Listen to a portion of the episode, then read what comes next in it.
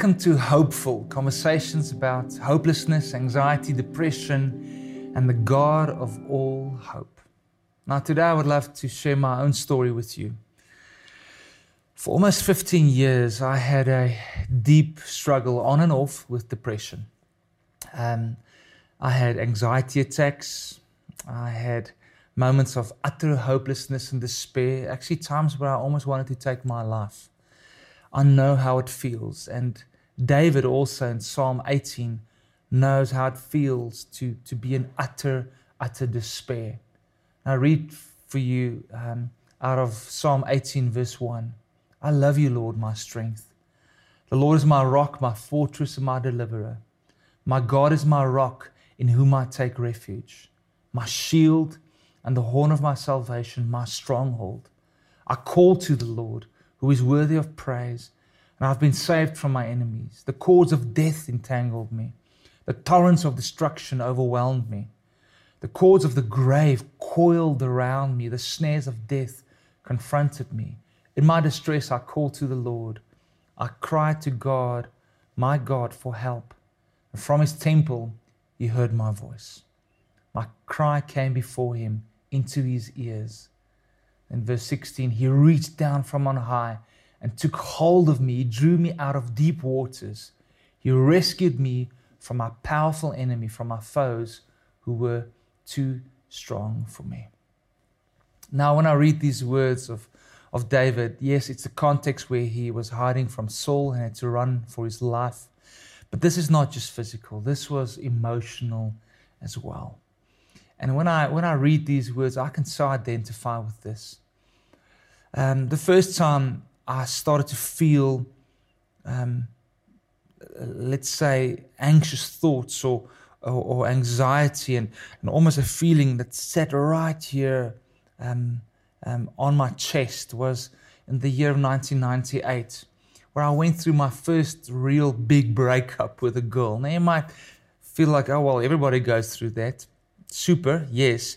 But it kept on forming a pattern in my life. And later on in my life, I realized it's not just the breaking up in relationships, it was the deep root of perfectionism, where I didn't want to fail. Because when you fail, you, you fear rejection.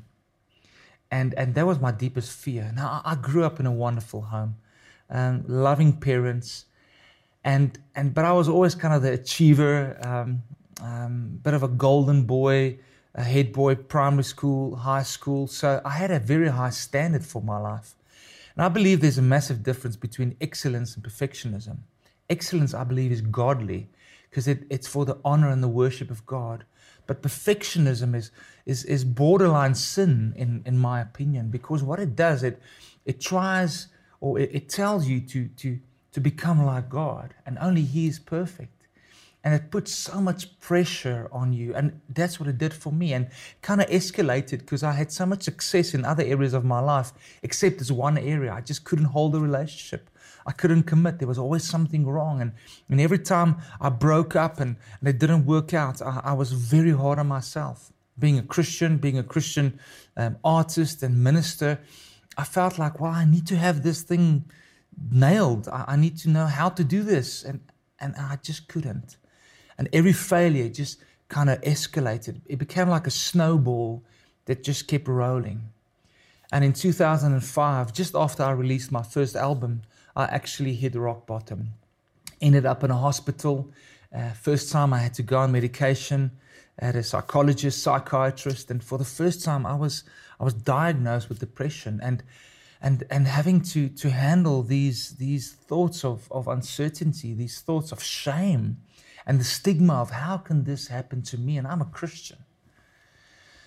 Well, by the grace of God, um, a 15 year battle, God really gave me breakthrough.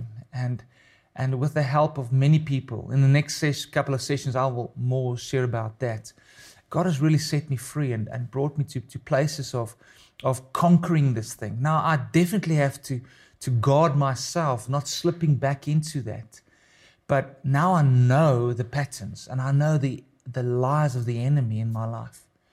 But maybe you're sitting with depression or at least anxiety and feelings of hopelessness and, You might be wondering, do I have depression? Or it might be a friend or a family member. The next couple of sessions, I would keep on speaking about my story and, and help you see it and also help break down some stigmas. Because many people think, well, this cannot happen to Christians, or this, this is not allowed to happen to you. Well, here's the amazing thing even in those battling years, those were the years where God used me the most in my ministry. It was incredible. I kept on recording albums, kept on writing worship songs, and authentically, I kept on following Jesus. Yes, people were aware of that, and my family and close friends knew about that. So I wasn't living a lie. I was like Paul in 2 Corinthians 12, saying, with a thorn in his flesh, I was just declaring, Lord, well, I'm weak, but you can be strong. And then he said, I'd rather boast in my weakness that the power of Christ may rest upon me. You see, um, even in our weaknesses, even in, in whatever struggle you might be going through, God can still use you. You haven't been disqualified. But I believe that God has answers. There is hope, maybe for your hopelessness. There, is, there are breakthroughs. There are victory waiting, even for depression. I truly believe. And therefore, um, one thing I can say out of the scripture that I did, I called upon the Lord and He listened. I want to leave that with you today. Maybe you've never called upon the Lord. Or maybe you are calling and calling, you're calling, you're wondering, Lord, when are you going to answer? But I believe He wants to listen. And I believe, like He did for me, reaching down and grabbing me and, and pulling me out of this. And it wasn't that momentary thing, it, it just didn't just happen once, it was a process. But I want to put out my faith that He can do that for you as well. And I want to pray with you as we close the session together. Lord, I pray right now in the mighty name of Jesus that people will reach out to you as you are reaching out to them. Lord, you always make the first move. You are the one that loved us first, and now we're just responding. And in this moment, Lord, as people are reaching out to you, they're calling to you, Lord, would you listen from heaven? Would you reach down and pull them out? Give them hope in this moment by your Holy Spirit. Amen. Thank you for tuning into Hopeful. If you need more help, please go to mattersofthesoul.org to have a Christian psychologist's perspective on depression and to receive help. Alternatively, go to the website of the South African Depression and Anxiety Group or phone them on 080 045 6789.